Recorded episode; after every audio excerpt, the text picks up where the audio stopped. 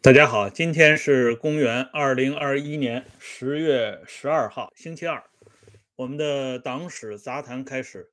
今天的杂谈呢有推送啊。今天我们还是来继续讲一期关于朝鲜战争的话题。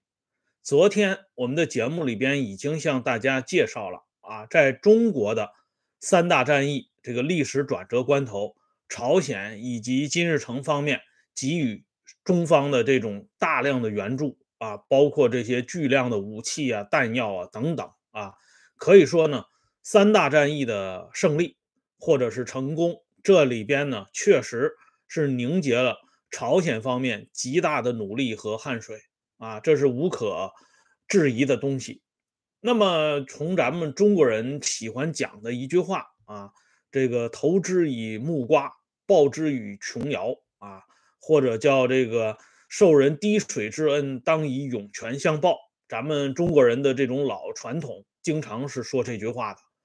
不过呢，在布尔什维克的这个词典里呢，通常是没有报恩这一说的啊。因为这个斯大林曾经讲过，报恩呢是只有狗才具有的完整啊。这个作为布尔什维克作为特殊材料制成的这批啊铮铮铁骨的啊党人们。他是不应该有这种啊腐朽的报恩意识。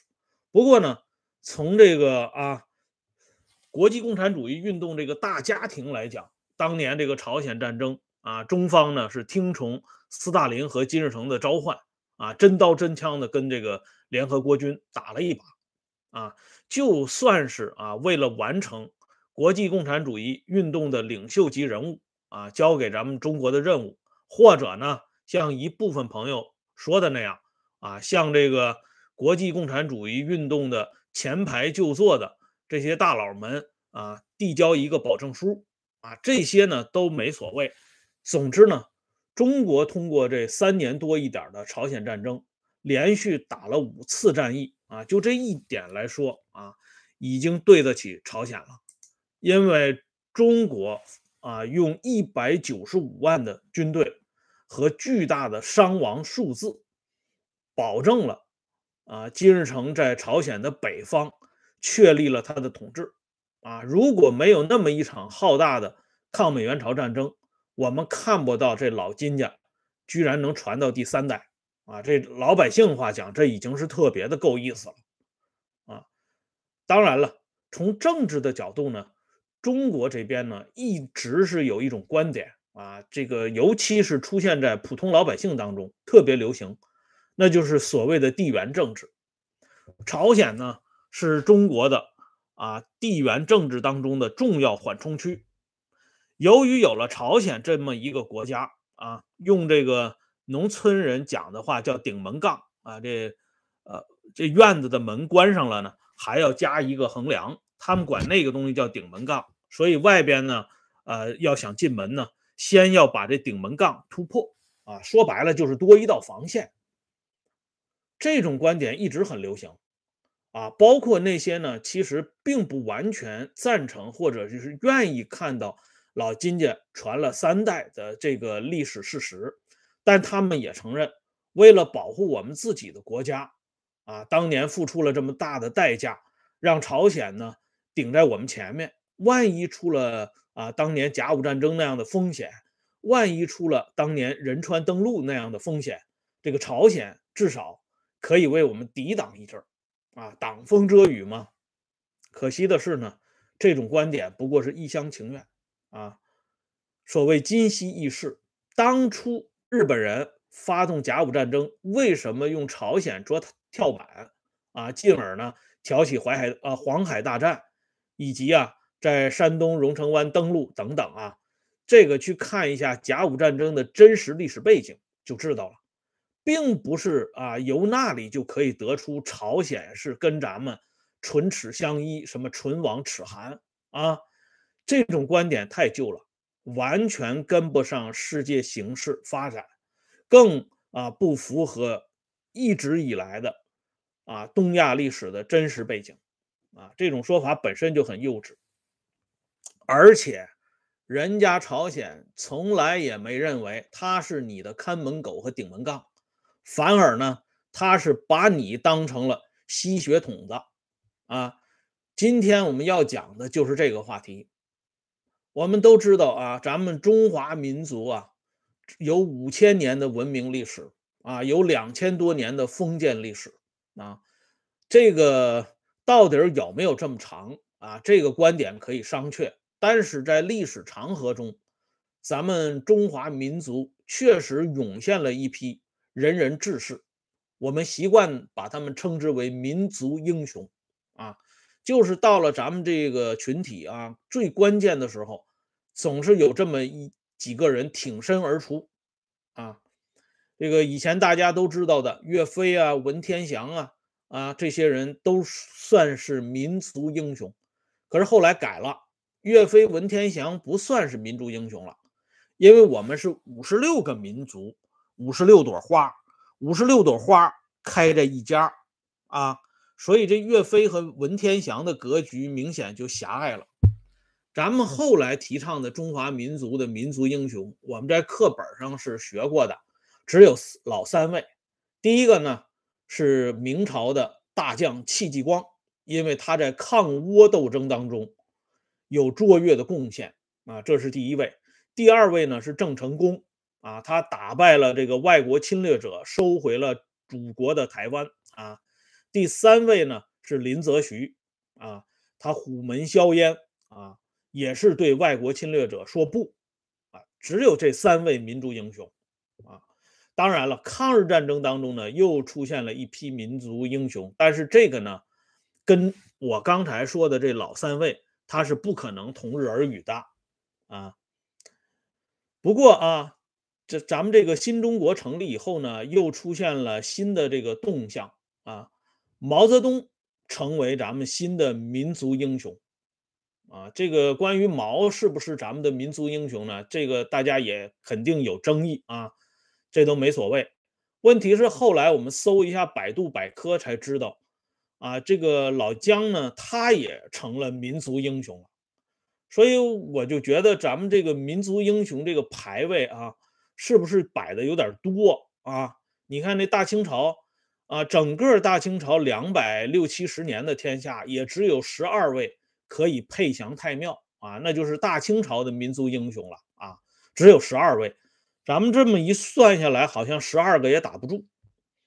那么既然说到是民族英雄嘛，啊，既一定是在抵抗外来侵略、外来压迫上边，是给咱们中国人民做做出了榜样的力量。那么今天我们就顺着这个民族英雄的思路。看一看朝鲜的金大元帅是如何让我们这位民族英雄认怂服软、赔礼道歉的啊！这个事情呢，要从这金大元帅平生最佩服啊、最听谁招呼这个人说起，那就是莫斯科的斯大林大元帅。这个斯大林大元帅在一九五三年五月三号这一天嗝屁了啊！从此呢，金大元帅上边呢就没有天花板了啊！他就自己当家做主了。他在一九五五年啊，大家看一下啊，斯大林刚死了两年左右的时间，啊，金日成呢就已经把这马克思主义啊直接改成叫主体思想啊，这是一九五五年就已经改变了。而现在我们都知道，朝鲜它跟我们一般意义上的国家不一样，我们都用公元纪年啊。人家用的是主体纪年啊，就像太平天国似的啊。太平天国自己有一套历法啊，这不一样的。这个主体就是从这一九五五年主体思想来的，跟这有关系啊。当然，这个主体元年最后确定的时间是根据金日成自己啊他的这个生日时辰来量身定做的。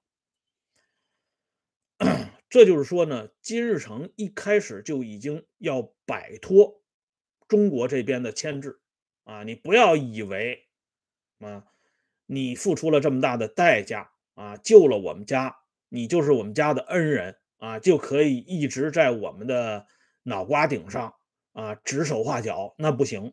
朝鲜是朝鲜人民的朝鲜啊，所以这金日成接下来的动作就比较大了。而偏偏这个时候呢，由于斯大林死了以后，这个苏共高层啊，权力空间啊也发生了巨大的变化。这马林科夫呢比较软，接班也没接住，赫鲁晓夫呢就脱颖而出，特别是做了秘密报告之后，把斯大林整体上就是给拉下马了。那老金家一看，那你们苏联也不值得我佩服啊，对吧？而且呢，当时赫鲁晓夫是考虑到啊，除开党内斗争之外，国内的一些向外的这些援助的项目可以缓一缓。于是呢，在一九五七年打倒莫洛托夫他们这些人之后，赫鲁晓夫就一度啊把这个伸出去的触角。往回收了一下，哎，这个时间段呢，就是一九五九年十月份，赫鲁晓夫推迟到朝鲜访问，哎，这个访问呢，其实说白了就是给送钱去，所以赫鲁晓夫就说我，我现在先不去了啊，回头找时间咱们再聚。这金大元帅一听就翻脸了啊，这金大元帅一看好吗？啊！你不来给我送钱来了，那咱们不做兄弟了。这金大元帅啊，马上就跑到北京来了，啊，跑到北京来夸咱们中国的大跃进来了。他来的时候呢，已经是公元一九六零年了。这个时候啊，说实话，连咱们中国人自己都已经不夸这个三面红旗和大跃进了，因为出现问题了。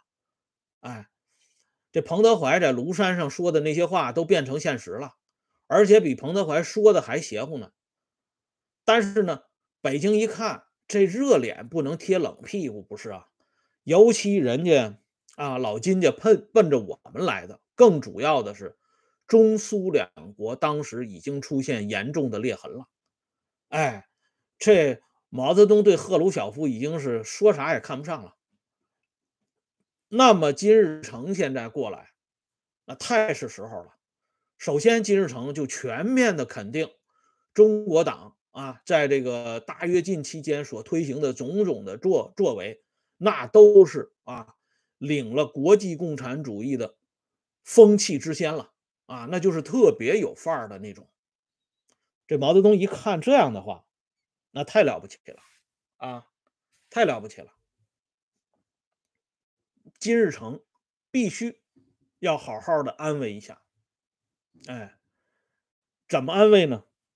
大家知道啊，当时中国呀，自己已经正式进入所谓的三年自然灾害时期，而且啊，这个我们习惯听这个名词的时候，就知道这个所谓的三年困难时期是由于苏联啊苏修逼债造成的，他们逼我们还钱，赫鲁晓夫翻脸不认人等等啊。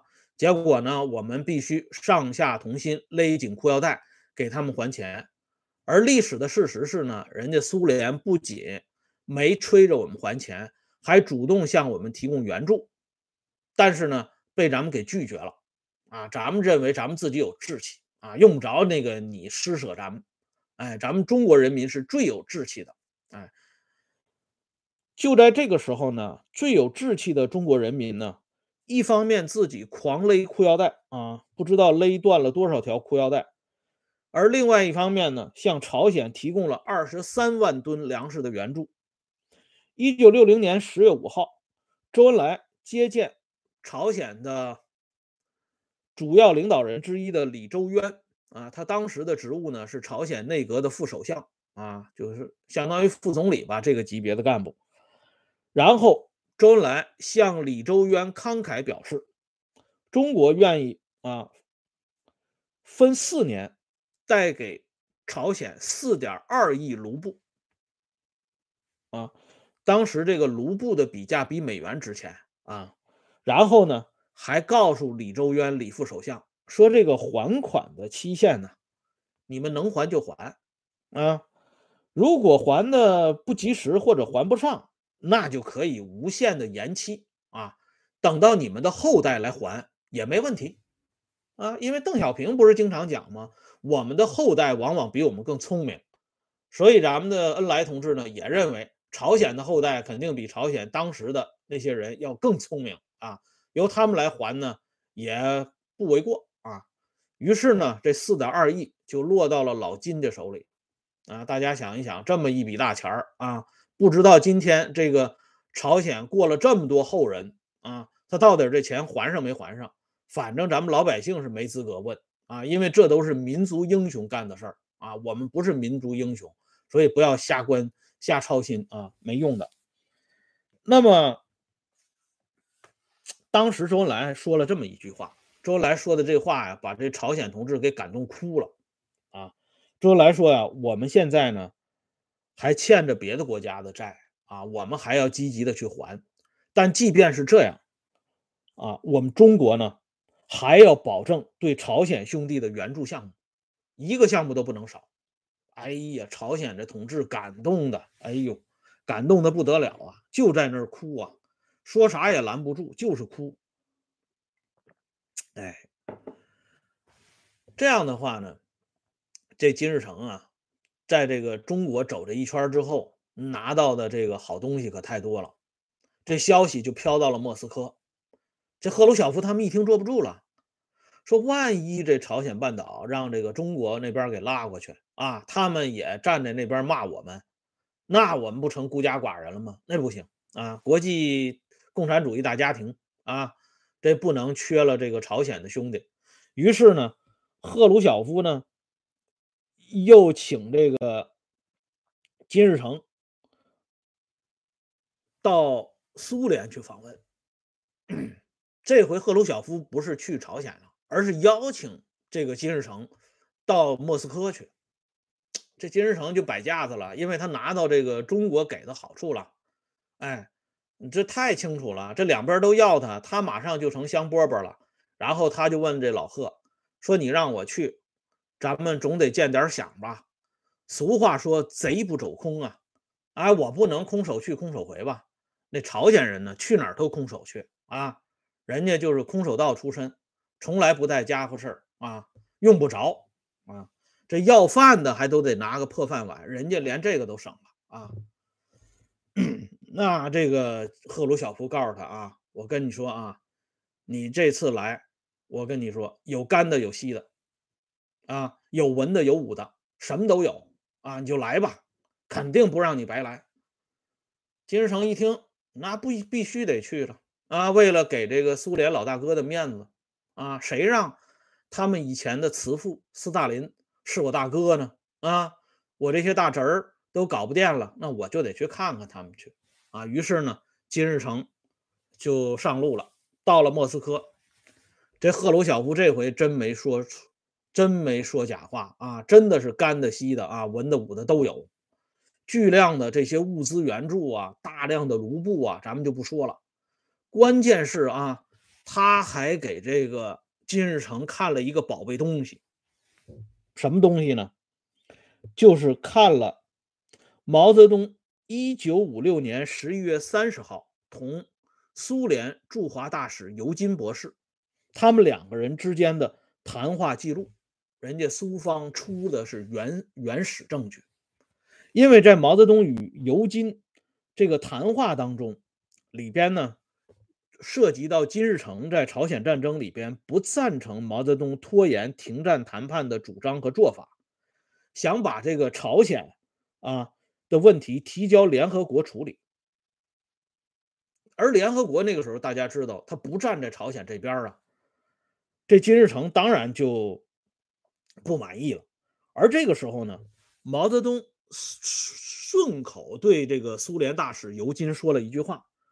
说金日成啊，可能是叛变革命，他是朝鲜的铁托啊，因为大家知道那时候铁托是咱们这国际共产主义大家庭里头号大叛徒啊，这斯大林专门开会要讨伐他，咱们中国那时候也恨他啊，他把金日成比喻成朝鲜的铁托，就这个原始记录啊，赫鲁晓夫就把他端给了金日成，金日成一看勃然大怒。啊！你敢骂我啊？咱们俩什么辈儿啊？啊！我管斯大林叫大哥，你也管斯大林叫大哥呀？差着辈儿呢！我当年啊，我派我老婆啊，我们家人照顾你们，给你们送大炮、武器、弹药哦，你现在还骂我说说我是铁托，铁托两个字怎么写呀？我这大元帅三三个字呢，这一下子就翻脸了啊！这一翻脸，咱们北京这边真着急了，马上派人安抚啊，派人去请啊，说老弟呀，千万别生气呀，啊，都是误会呀，哎，而这个时候呢，赫鲁晓夫决定对朝鲜的援助提升到十三亿卢布。同时呢，还有三十六亿卢布的低息贷款。哎，苏联方面也加码了。那么中国一看，那我们能让苏修给比下去吗？咱们这边呢，了也抡圆了胳膊开始干了啊！我们呢是三年内无偿提供朝鲜方面将近八亿元人民币的全套的生产建设物资和生活用品。啊，而且啊，这个一九五八年以后到一九六三年，在中国最困难的时期，用无息贷款的方式为朝鲜援建了二十九个成套项目。啊，只要朝鲜提出他们缺什么东西，我们呢就马上满足他们的要求。比如说啊，我们举一个最直接的例子，北京地铁，哎。大家知道，上个世纪七十年代，那个时候啊，我们小的时候，只有北京有地铁啊，只有这北京那个商场呢有滚梯，这其他的城市里都没有。尤其这个地铁啊，我不知道那时候上海的商场里有没有滚梯啊，反正那时候只有北京有滚梯。北京这个地铁是全中国独一无二的啊，到北京观光的朋友一般都要坐一下地铁，感受一下祖国这个首都的伟大。可是。朝鲜就听出听到了，朝鲜说不行啊，你们先把你们那个地铁项目放一放，我们平壤也要建地铁，而且呢，我们这个平壤是反美的前线啊，我们要建的这个地铁呢，比你们北京地铁还要好，还要坚固，你们就想办法吧，反正我们把要求提出来了，做不做呢，就在你们。这北京呢，就赶紧啊，把北京地铁项目。暂时停建啊！连人带器材，马上跑到平壤去，给这平壤先建地铁。而且啊，这平壤的地铁那时候建好之后，真的比北京地铁漂亮。所以在很长一段时间里，到了八十年代改革开放以后，去过朝鲜平壤的人回来都讲，说朝鲜的这个平壤地铁修得好啊，比我们这北京的还要漂亮。哎，这故事呢？就这么来的啊，那么后边呢还有啊，比如说朝鲜，他急着要建两个这个纺织厂啊，既没有人，也没有设备，也没有钱，人家就是啊两手转空拳。然后北京这边呢，马上把中国在河北省邯郸市要上马的两个纺织厂停下来啊，把全套设备拆掉，直接运到朝鲜去。啊，对这个朝鲜就到了这个程度。下面呢，我再给大家讲一段故事啊。一九五七年莫斯科会议期间，毛泽东当面向金日成承认了自己犯的错误，认为自己偏听偏信啊，这是当着金日成的面啊认怂啊，哎，然后呢后边。那他是多次表示，啊，中国方面和朝鲜方面发生的所有的不愉快，都是中国的过错。中国内部有人搞大国主义，并且点名道姓说搞大国主义的人不是别人，就是当年那个志愿军的司令员彭德怀，还有历任中国驻朝鲜的大使，他们也是帮凶。反正呢，伟大领袖就把这些人臭骂一顿。这金日成听完以后挺高兴啊，觉得这个中国的这老大哥呢啊，中国这二哥啊得算是二哥啊，这洪秀全也是二哥，反正都是二哥啊。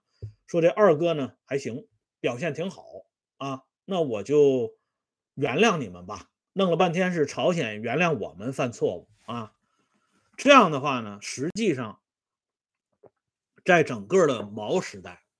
对朝鲜方面的援助，可以说是一个天文数字。而我们自己那个时候过的是什么样的日子，这个我们自己稍微回忆一下就知道了啊。因此就有了这么一种非常奇怪的事情啊，就是朝鲜在停战之后这头十年，每年的经济增长是百分之二十五，在全世界都排前几名啊，跟西方国家一样啊，一直到一九八四年，朝鲜的粮食总产量居然突破了四千万吨啊，这个朝鲜的经济奇迹啊！在上个世纪六七十年代，可以跟日本媲美。大家想想，为啥那时候的朝鲜人民那么神奇，而现在的朝鲜人民突然又不怎么神奇了呢？那不是因为朝鲜人民神奇，那是因为咱们中国人民神奇啊！先紧着这个朝鲜来搞啊，朝鲜的解放就是中国的解放，中国的解放就是朝鲜的解放。这是这个顺口溜念它几百遍就明白了啊。这绕口令，这是啊。而当时朝鲜和中国一起成为苏联和东欧经济互助援援助会的观察员啊，所以那个时候朝鲜的这个世界地位是很高的。所以大家看一下，到底啊谁是谁的顶门杠，谁是谁的看家狗啊？而另外呢，咱们中国还有一句老话。叫内战内行，外战外行啊，就跟自己人打呢，特别有主意，特别有招啊。收拾自己人呢，那是一百个主意，但是跟外人一打呢，马上就露怯了啊。所以呢，后来总结了这八个字：内战内行，外战外行啊。大家别瞎联系啊，我说的是大清朝啊。那么现在呢，我们就可以看到啊，这个。老金家以金日成为首的朝鲜的第一代领导集体啊，人家呢是玩弄这大国呢于股掌之上啊，哎，只要他没有吃的喝的了，或者是短了东西了，人家就跑这儿来要来啊。后来呢，苏联是给要垮了啊，这他要不到了，那就直接就扑咱们这儿了啊，确实不拿咱们当外人。这个邓时代呢，由于我们自己啊开始搞这个改革开放，跟朝鲜这边的关系呢就处在一种不冷不热的状态啊，甚至呢到了上个世纪九十年代，我们还把韩国给承认了，哎，这让这老金头特别的生气。不过呢，这时间没撑多长时间啊，这老姜上来之后呢，对朝鲜又恢复到那个逐渐恢复到毛时代啊，到了胡温时代呢，就是。嗯，二零一二年，啊，也是金日成这个诞辰一百周年的时候，中国政府呢，从二零一二年二月下旬开始，对朝鲜提供价值高达六亿人民币的无偿援助，这个时候呢，就是目前的金元帅在台上，所以呢，这个中朝两国的这友谊呢，迅速啊，又一次升温。至于升温到啊什么样的程度，这个我们现在就不知道了。而且更夸张的一点是什么呢？更夸张的一点是领土问题。啊，咱们都知道，这民族英雄首先一点就是捍卫国家的主权和领土的完整，这才能才能叫民族英雄啊。要不然，那不叫卖国贼吗？对吧？但是在这个领土问题上呢，咱们的。伟大领袖和民族英雄毛泽东同志呢，他的这个思路比较神奇啊，这个一般人理解不了。他呢是在划分中朝边境的时候，他把中国境内的长白山的白头山峰和天池的一大半划给了朝鲜啊。中朝两国之间的这个界河呢，也不按照国际惯例，根据主航道来划线。而是把边界线一直划到中国的岸边鸭绿江里好几十个沙洲和岛屿，就连居民带土地都划给了朝鲜。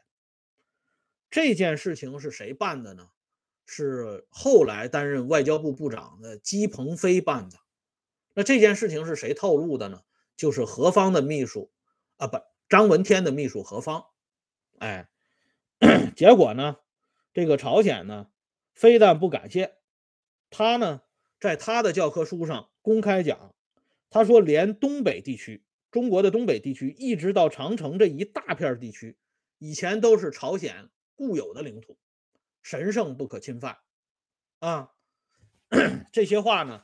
都不是咱们自己编的，大家看一下出处啊。刚才我讲的这些出处，都在二零一三年第十二期的《炎黄春秋》上，何方老先生生前写的一篇回忆文章啊。因为何方呢长期在外交部担任办公厅副主任，所以他对这些方面呢还是比较熟悉的。哎，他的这篇文章呢叫《抗美援朝的德与失》啊，大家可以在。啊，直播结束以后去找一下，专门来看一看，这是公开史料啊。那么由此一看啊，这个缓冲地带还存在吗？啊，人家不断的蚕食，不断的索要你自己的领土啊，然后他成你的缓冲带，这不是自己忽悠自己吗？当然了，如果自己不忽悠自己，那。那还能叫做梦吗？哎，做梦的人不都是自己忽悠自己吗？所以呢，这么看下来啊，我认为地缘政治之类的这些啊乱七八糟的话题就此可以打住了啊。反倒是呢，人家朝鲜拿着咱们当顶门杠了啊，一有风吹草动就把我们拉进来，什么六方和谈呐，这个那个的。哎，他要了一堆好处，我们呢做了一堆罗圈罗圈一啊！你指着朝鲜给咱们点炮，我估计那是恐怕只有天知道啊！哎，好了，今天的节目呢，咱们就说到这里啊。上次我就说这《炎黄春秋》是二零一三年十二期，结果有个网友非得告诉我们他是二零一三年第九期啊，所以呢，我这里顺便说一下啊，我这直播呀。大家有时候最好把它听完啊，听完以后呢，有什么看法、不同意见，可以在底下留下回复，别像昨天那个张灵甫的扮演者那件事儿似的啊。我本来后边已经更正了，结果前面噼里啪啦的一大堆都告诉我是舒适演的，我都知道是舒适演的了啊。我也谢谢你们的爱啊。好了，今天的话题呢说到这里，感谢朋友们上来点赞、收看和收听。欢迎大家关注“温相说时政”会员频道，经常会有更新。再见。